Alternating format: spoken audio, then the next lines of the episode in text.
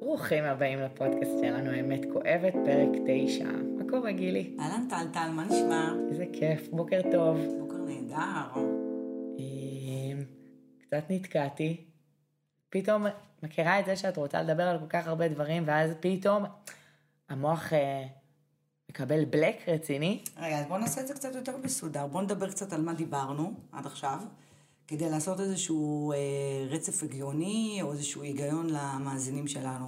אז אנחנו נדבר על זה שבפעמים האחרונות אנחנו לקחנו נושאים קצת מפוצצים. לגמרי. אה, אני שומעת הרבה אנשים שאומרים לי, תקשיבי, אני שמעתי את הפרק שלוש פעמים, שמעתי את הפרק ארבע פעמים, ואני מבינה את זה. זה... אני רוצה לומר שאני שמעתי את הפרקים האלה, חלקם שלוש-ארבע פעמים בעצמי, ואני פה, נכון, מקליטה אותם נכון. יחד איתך.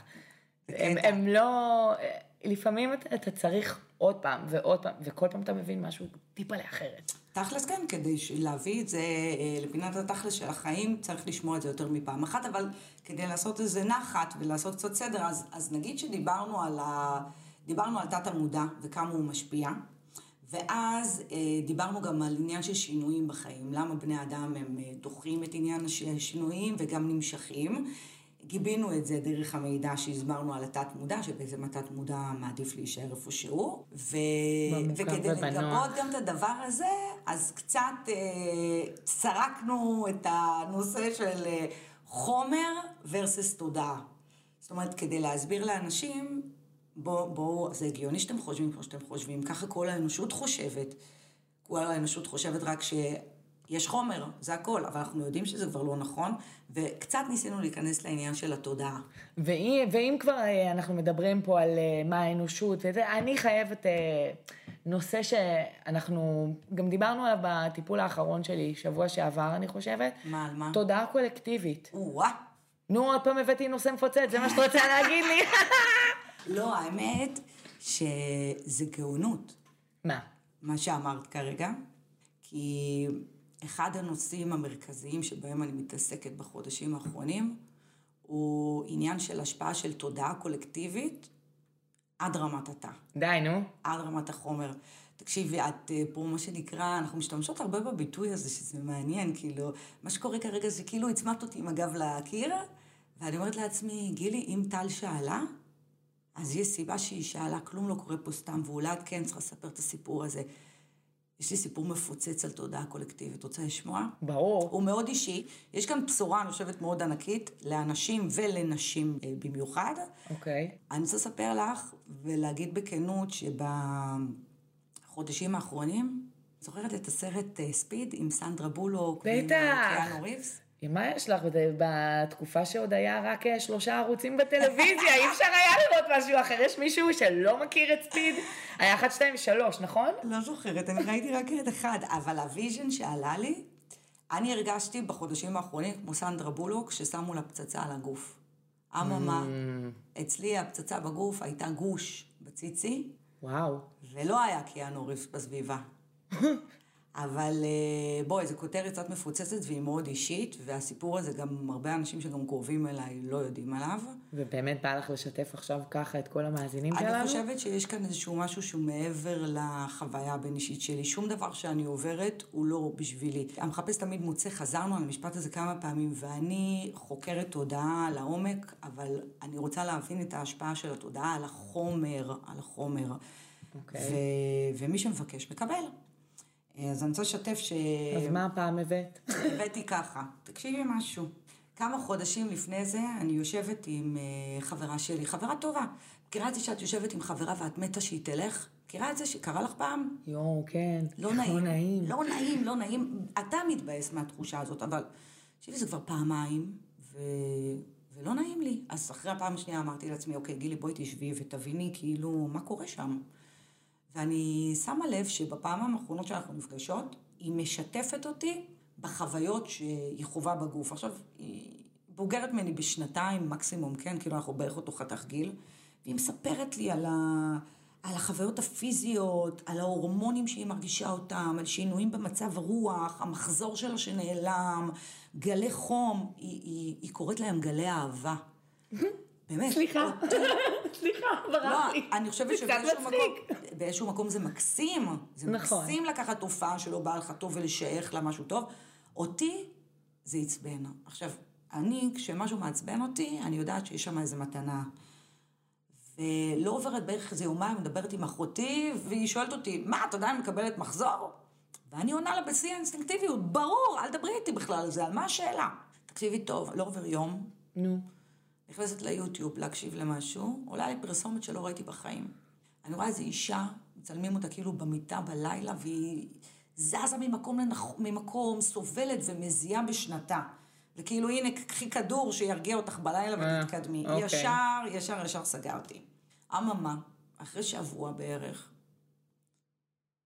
אני מרגישה באמצע הלילה שמעלים אותי על המוקד. כולי קמה, מזיעה, אימא'לה. ממש.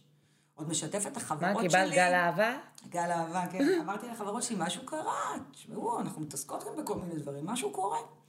טוב, ככה בלילה אחרי, בלילה אחרי, אחרי כמה לילות כאלה, אני קולטת שזה עובר ליום. לוקח לי בערך איזה יום, יומיים, ואני עוצרת רגע, ואני אומרת לעצמי, "מה- רגע, רגע, מה, מה, מה, מה, מה, מה קורה פה? מה קורה פה? המחזור שלי לא הגיע. אני פתאום חווה חוויות של גלי חום, מיגרנות. את מרגישה את מצבי הרוח משתנים? וממש אני זוכרת את עצמי בבית, אומרת לעצמי, כנסי רגע למקלחת להירגע. ואני קולטת מצד אחד שאני נשאבת לסרט שהוא לא בהכרח שלי, הרי אני מודעת על זה כמה התודעה הקולקטיבית משפיעה על הבן אדם, ובכל זאת אני לא מצליחה לעצור את זה.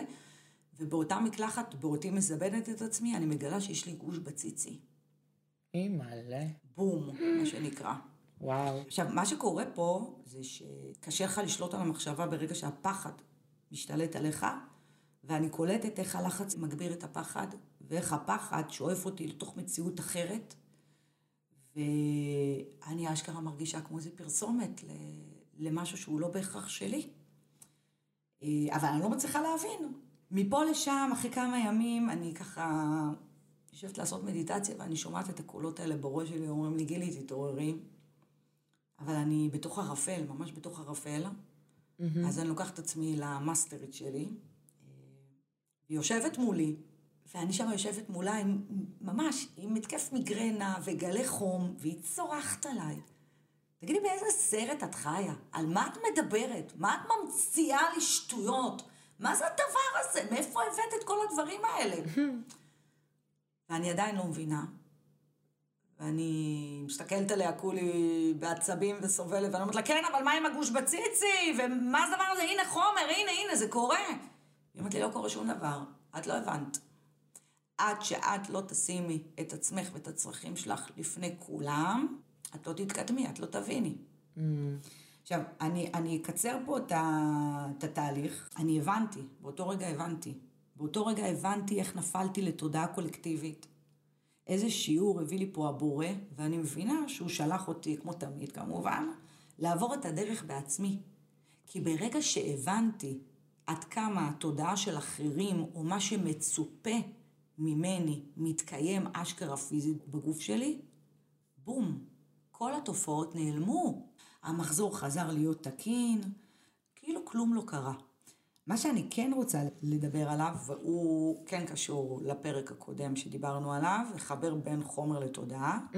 לבין מה שאנחנו מדברות עליו היום, זה שהגוש בחזה נשאר אצלי שלושה חודשים כמו פצצה מתקתקת. אז מה, לקח לך שלושה חודשים להבין? לא, הבנתי. הבנתי, ברגע שהבנתי כל התופעות לוואי נעלמו, אבל קלטתי את המשחק של בורא עולם. הוא השאיר לי אצלי עדיין בגוף את המעין ברומטר כדי להבין מה משפיע. עכשיו תקשיבי, אני יכולה להתחבר לזה. בכל פעם שהגבתי לסיטואציה, לבן אדם, לא משנה מה, בקורבנות, בריצוי, לא ראיתי את עצמי קודם, הגוש הזה גדל. בכל פעם שהתרכזתי והגבתי לעולם מתוך מקום של נאמנות פנימית, שזה אומר לשים את הצרכים שלי לפני כולם, גם אם זה לא מסתדר מוסרית, חברתית ודתית. Mm-hmm.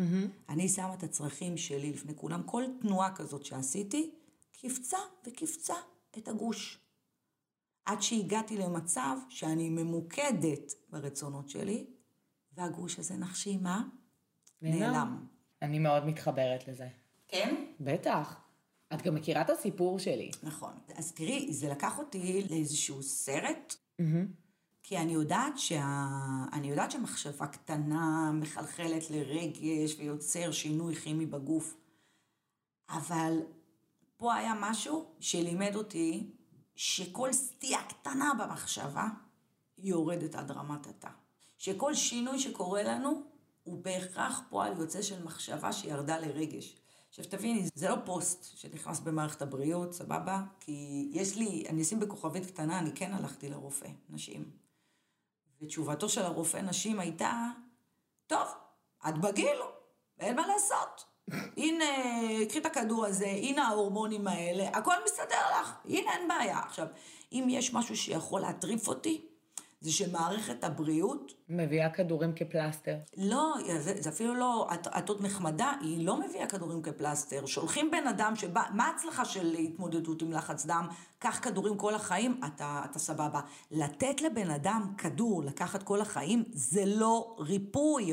זה לא ריפוי. נכון. עכשיו, מה הבנתי מזה? תחשבי כמה נשים יש בגיל 40, שבתודעה הקולקטיבית מצופה מהם דברים מסוימים ואיך זה משפיע עד רמת הגוף. כי אם לי לא הייתה את ההבנה או את הזכות להיות בתודעה שיש פה משהו שהוא מעבר לחומר, mm-hmm. אני היום כבר הייתי נכנסת ללופ שאלפים ולדעתי מיליונים של אנשים בעולם בלופ הזה, מדיאגנוזה לא נכונה, מתן כדורים שמכסתחים על תופעה מסוימת, שבכלל התופעה לא הגיעה מהדיאגנוזה הנכונה.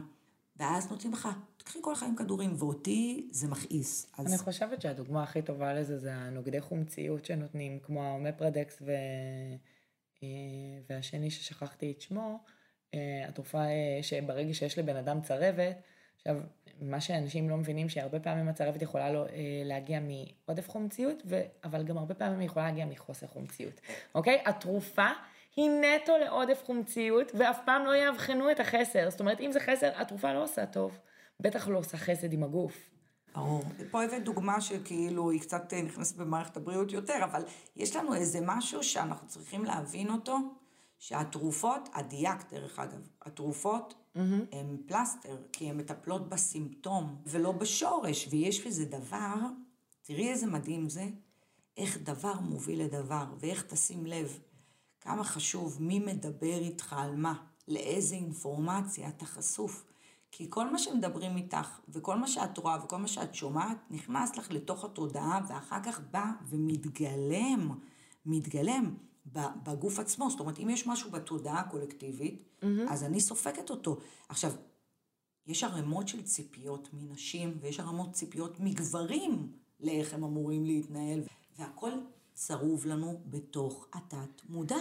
כאילו מין ספר חוקים של האנושות, שיושב כזה, שכולנו כביכול נולדנו איתו, כי גדלנו לתוך זה, ו, ו, ובעצם העבודה האמיתית היא לצאת מתוך הסקופ הזה.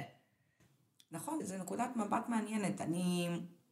תראי, יש לי עוד הרבה דברים להגיד על הנושא הזה. אני נתתי פה את הסיפור הזה בתור איזושהי כותרת. זה, זה סיפור מטורף. זה סיפור מטורף, ולי קורים דברים מטורפים בחיים, כי אני מבקשת לראות את זה פיזית, ואני רוצה לבדוק את זה פיזית, אז אני גם... וגם את יכולה. עומדת בגבורה מול העניין הזה, אבל אני קלטתי איך אה, פחד, בפעם המאה, יכול לשאוב אותך למציאות מסוימת, ושוב פעם, עד כמה התגובה שלך לסיטואציה היא קריטית, קריטית, קריטית, כי once נפלת, הזדהית עם משהו, אתה כבר נמצא בתוך הסרט.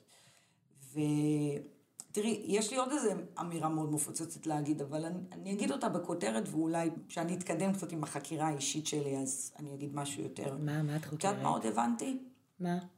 יפתחו עליי על זה, אבל אני אגיד בכל זאת. שיפתחו. אין דבר כזה גיל מעבר.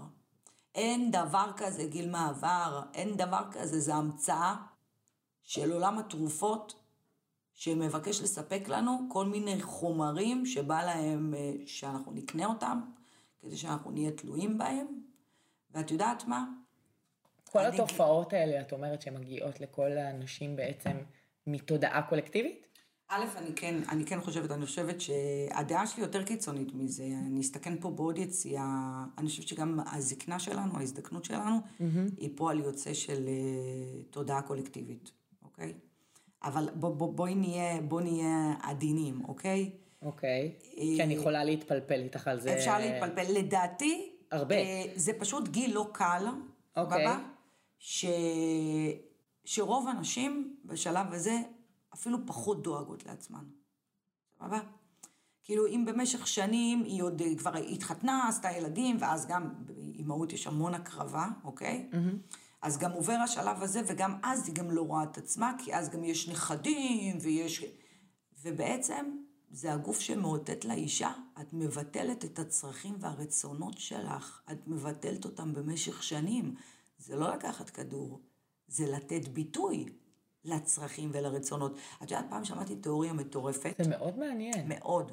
נתת ממש נקודת מחשבה שבחיים, אני חייבת לומר, בחיים לא חשבתי עליה. את יודעת מה, עכשיו שאנחנו מדברות, עולה לי אונליין עוד, עוד, איזה, עוד איזה נקודה. פעם למדתי, יש לי איזה מאסטרית נוספת, היא לא גרה בארץ, ואני לא זוכרת באיזה הקשר היא אמרה את זה, אבל היא, היא אמרה לנו, הבנות שהיינו בקורס, היא אמרה לנו, אתם יודעות מה זה גלי חום? שדרך אגב, היום אני דווקא אפילו יכולה לסתור את מה שהיא אמרה אז, אבל שימי לב איזה נקודת מבט מעניינת היא נתנה.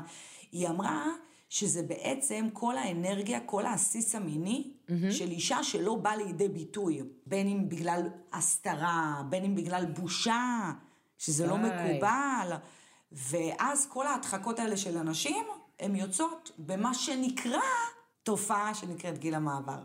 אבל תשמעי, בואי תעצרי אותי כאן, כדי, לפני שכאילו גם אה, אה, אני אומרת את הדברים שהם מעבר ל, למה שאולי אפשר לתפוס אותם אה, בשמיעה ראשונה. אבל הסיפור הזה, אני הוכחה פיזית למישהי שבשנייה וחצי ענתה לציפיות של כל מה שמצופה מנשים, בגלל שזאת התודעה הקולקטיבית, והריפוי שלי של כל התופעות, הוא היה ברגע, ברגע שהבנתי שזה לא נכון, והמתנה שקיבלתי היה דווקא הגוש בציצי, שבורא עולם אמר לי, בואי תראי איך את משחקת עם הרגשות שלך, בואי תראי איך כל סטייה במחשבה היא עד רמת התא. שזה באמת מטורף. אני, אני יודעת את זה מהמקום שלי עם הבטן, נגיד, אה, שהיא תמיד מדברת, הרי אה, כשאני לא מדויקת, זה כאבי בטן, אה, כמובן, תלוי כמה הייתי לא, כמה לא התייחסתי לעצמי יפה. אם אני מתייחסת לעצמי ממש לא יפה ולא מכבדת את עצמי, ושמה אנשים לפניי, ונעלבת, ופחדים, והסתרות, וכל המנעד הזה, זה בעיטה בבטן, שאתה לא יכול בכלל לעמוד ישר. וואו. אבל, אבל אז תראי, אז אני חושבת שכמעט לכל אחד יש לו איזה סוג של... את הברומטר שלו. את הברומטר שלו, בפיזי. ואני אספר עוד סיפור קטן חמוד. פעם ישבתי עם אה, בחורה, והיא בכלל הגיעה בגלל אה, כאב לה השריר הפנימי בירך. עכשיו, נשמה, אני מטפלת בנפש. אבל היא באה. אז אמרתי לה, תגידי, מה, מה, מה הסיפור? שאלתי אותה איך היא בחיים שלה וכאלה, ואז שאלתי אותה, תגידי, קרה לך פעם הדבר הזה שנתפס לך השריר? והיא בשיא ההתלהבות אומרת לי, מה, אני זוכרת הפעם הראשונה שזה קרה לי לפני שנים. והיא מספרת לי שאז היא הייתה רווקה, והכירה איזה מישהו שהוא מאוד מצא חן בעיניה. והוא בא אליה בלילה, והיה מאוד כיף, ולמחרת בבוקר היא מורה ליוגה, היא אמרה לו, אני הולכת לשיעור יוגה, ואני חוזרת עוד מעט. והיא אומרת, וחזרתי הביתה בהתלהבות, והוא חיכה לי, ונורא רציתי להשוויץ ולהראות לו מה אני עושה ביוגה. ואז הראתי לו, ירדתי לאיזה סוג של שפגאט, ואז אני שומעת... אוי. ואז אני שואלת אותה, תגידי, את מי היום בחיים שלך את מנסה להרשים ויוצאת מהגבולות שלך? בום, זה הברומטר של הנשמה. הברומטר של הבחורה הזאת הוא השריר הפנימי של הירך, כל פעם שהיא יוצאת מגבולות שלה. קיבלה ברומטר זה יחסית, סבבה לגמרי. שמה, אל תקני באף אחד. אני לא מקנאה, אני אומרת שאם היא למדה דרך הברומטר הזה, כל הכבוד לה, כי היא לא תגיע לברומטרים הנוראים. תכלס, את צודקת. אוקיי? אני, ממש לא, אני לא מקנאה באף אחד, ואני אני במקום שלי וטוב לי איתו. נשמה, אבל את יודעת מה? גם בהקשר של ה... ואולי כדאי שנדבר על זה, יש לי עכשיו את ה... זה לא חודש המודעות? זה לא... יש את יום המודעות אה, ל... למחלות מעי דלקתיות, יום המודעות אה, ל-IBD, זה ב-19 למאי. אה, זה יום בעיניי שהוא מאוד מאוד חשוב, כי קרון וקוליטיס אה, הם מחלות יחסית שקופות. זאת אומרת, את רוב המטופלים, את, את כנראה לא תדעי שהם חולים. Mm-hmm. אמ, וזו מחלה גם שבכלל היא מלווה בכל כך הרבה בושה סביבה, כי בואי נודה באמת, אנחנו מתעסקים בקקה, אוקיי? זה לא נעים בכלל, וכל אה, תוספות, יש את אלה שמגיעים ל, אה, לשקית, לסטומה, ויש אה, בעיות... אה, אז בוא, בוא נעשה להם איזשהו שירות לכבוד היום הזה, בוא ניתן שני טיפים, אוקיי? שני טיפים? כן, יאללה. כן. בוא נגיד שאחד הדברים שאני מצאתי מהניסיון שלי בעבודה עם אנשים שסובלים מקרון, יש עניין עם הססנות, אוקיי? הססנות הוא פקטור חזק אצל קרוניסטים, שהססנות זה אני טוב, אני לא טוב, בחרתי נכון או לא בחרתי נכון, ואם כבר בחרתי אז זה בסדר או לא בסדר. אני חושבת שיש שיר שיכול, אה, בעיניי, אני, אני? תמיד שומעת אותו בראש, שמדברים על הססנות, וזה יושב על הגדר, רגל פה, רגל שם. אה, כאילו תקוע? אתה רגל פה, רגל שם, אתה פה ולא פה. אתה עושה לעצמך נזק. אז, אז בוא ניתן, הנה טיפ אופרטיבי. אם כדי להביא לשינוי בגוף, אחד מהפקטורים החזקים אצל קרוניסטים, מי שסובל מבעיות בבטן, זה בעיקר שליטה במחשבה ובהבנה שיש מצב שהדיוק כבר מדויק. תתקדמו. בחרתם משהו? תתקדמו. אל תהיו מוססים. מה הדבר הכי נורא שיקרה עם זה? לא יצליח. לא יצליח. עוברים. ליעד הבא. בדיוק, מחשבים לא- מסלול מחדש. לא זה קורה. חלק מהחיים. ממש. לא קורה פה אה. שום דבר, זה אחד. ודבר שני שרציתי אה, לדבר עליו, הוא דווקא בהקשר למה שאמרת על העניין של הבושה. אני רוצה להגיד על זה משהו. מהניסיון שלי, תקשיבו טוב, תקשיבו טוב טוב. אותנטיות, אותנטיות, היא הדבר הכי סקסי שיכול להיות. אני אסביר. גם כשמישהו מדבר באותנטיות על דברים שהם mm, לא מגניבים, זה לא כזה גאווה להגיד את הדברים האלה. אבל עצם העובדה שהבן אדם מדבר באותנטיות, הופך את הדבר, את הבן אדם עצמו לסקסי. על זה שהוא לא מתבייש, לא רואה ממטר, לא מזדהה בכלל עם איזשהו מקום אשם, או להפך, אני יש לי קרון, אני... אז שני טיפים. אחד, תחסכו לעצמכם את ההיסוסים, לא כדאי. תחליטו ותתקדמו. הדבר השני, מי שמתבייש, מתייבש. בדיוק, אותנטיות שווה סקסיות. מעניין מאוד. את יודעת, אני נמנעתי עכשיו, השתמשתי במחלה הזאת כתירוץ, לא לצאת עם אף אחד, נמנעתי מזוגיות. יש משהו במחלה הזאת שהוא פשוט התירוץ המושלם ללמה אתה לא יכול. תראי, את יודעת, פה נשאלת השאלה, שמה המתוקה שלי, ואת יודעת אותה, שיש מצב של מלכתחילה, הנפש שלך חיפשה, למה לא כדאי להיות במערכות יחסים, למה זה גם עדיף הבנו את זה. בטיפול האחרון. אה, אני- גם קצת לפני, אני חושבת שהסגירה שלנו הייתה שבוע שעבר של כל הפרק הזה, שאנחנו עובדות עליו כבר תקופה, של כל הניקיונות, בדיוק על זה. ואני מרגישה סוף סוף שדווקא אני כן מוכנה, אני מרגישה שאני, אני מפסיקה להימנע. הופה, יש פה שוס, רגע. ש- לכבוד יום ה-IBD. רווקים פנויים בגילאי... 38 פלוס. טוב, רצינו קצת להקליל, כי התחלנו עם סיפור אה, סופר דרמטי. אה, אני אגיד שלכל איבריי שלום, ויותר מזה, אני אגיד משהו טיפה מעצבן, מכל הטרנספורמציה הזאת, אני מרגישה שאני חזרתי לגיל 35, והבנתי איך אפשר להשפיע על החומר, וגם לקחת אותו אחורה, אבל על זה נדבר בהמשך. בעיניי זה לא מעצבן, זה מדרבן. אה, אוקיי. אוקיי? שוב, זה אני, אני, אני מאמינה שיש כאלה שיחשבו שזה מעצבן, אבל אותי זה מדרבן. אני חושבת שזה אמור לדרבן את כולם כדי להבין שהמוח שלנו חושב ליניארי, ליניארי, הוא עובד כפי שמצופה ממנו, כל אחד ואחת מכם, כמה שאתם חושבים שאתם יחידים ומאוחדים, תרימו את העיניים, תסתכלו בכנות ותראו שאתם לא שונים הרבה, לא מאבא, לא מאמא, לא מסבתא ולא מסבא. נדרשת פה איזושהי טרנספורמציה מטורפת על ההסתכלות. השונה שאמורה להיות על המציאות. והיא מתחילה מההסתכלות של כל אחד ואחד מאיתנו, ואני אומרת שההסתכלות הזאת יכולה לחסוך לנו המון המון המון המון בעיות, אם נבין את ההשפעה של התודעה הקולקטיבית. אם ניקח אחריות על מה שנכנס לנו לתודעה. אם נבין שאפשר להשפיע דרך הראש, דרך האנרגיה, דרך התודעה, עד רמת התא. מטורף. זה באמת מטורף.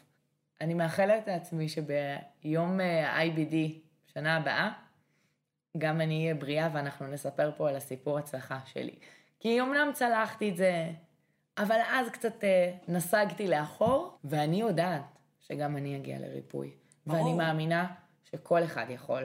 את כבר הגעת לריפוי, דרך אגב, והטרנספורמציות שאת עוברת היא בגלל שהבורא משתמש בך בתור שליחה כדי להעביר מסר, אוקיי? Mm-hmm. אם זה כבר, אם זה יתקיים פעם אחת, זה יכול להתקיים, כבר הגעת לריפוי, אוקיי? הריפוי כבר קרה, אבל כדי לשמש שליחה וכדי להעביר את האינפורמציה, את ואני חוות על עצמנו דברים, וזאת השליחות שלנו, וזה משהו טוב, וזה לא משהו רע. כי הבריאות כבר קיימת. היא כבר קיימת, טל-טל. אז אני מאחלת לך, מתוקה שלי, אני אוהבת אותך. גם אני. אני מאחלת לך שבשנה הבאה את תוכלי אה, לעמוד ממש על במות מול קהל רחב ולשמש דוגמה חיה לדבר הזה. הלוואי, זו זכות מאוד גדולה. כן, וזה, וזה בעצם השירות שאנחנו רוצים לעשות לכם היום, ועל הפרק הזה אני ממליצה לכם לשמוע לפחות אני כרגיל אשמע שלוש. היי, טוב, ובנימה אופטימית זאת. גילי, תודה רבה. ועם דמעות בעיניים. אה, זה דמעות של ריגוש. מתוקעת. לא של כאב. ברור. אמ, כן, כי זה מאוד מרגש להיות במעמד כזה שאתה יכול באמת לעזור לאחרים, ו... אה, וגם אם אה, מעבירים אותך בעצם, אתה משמש כשליח, וזה כואב. זה כואב פיזית, כאילו זה, זה לא ברור מאליו. אבל שליחות היא מעל הכל. נכון. אני חושבת שזו הסיבה שאני גם מצליחה כרגע להתמודד גם עם התקף יחסית קשה, וכאילו, כביכול לא להרגיש אותו באיזשהו מקום. בדיוק. כי אני לא פה. אני איפשהו שם כבר אה, שנה הבאה. בדיוק. אז uh, תודה רבה לכם שהאזנתם לנו. נשתמע בשבוע הבא.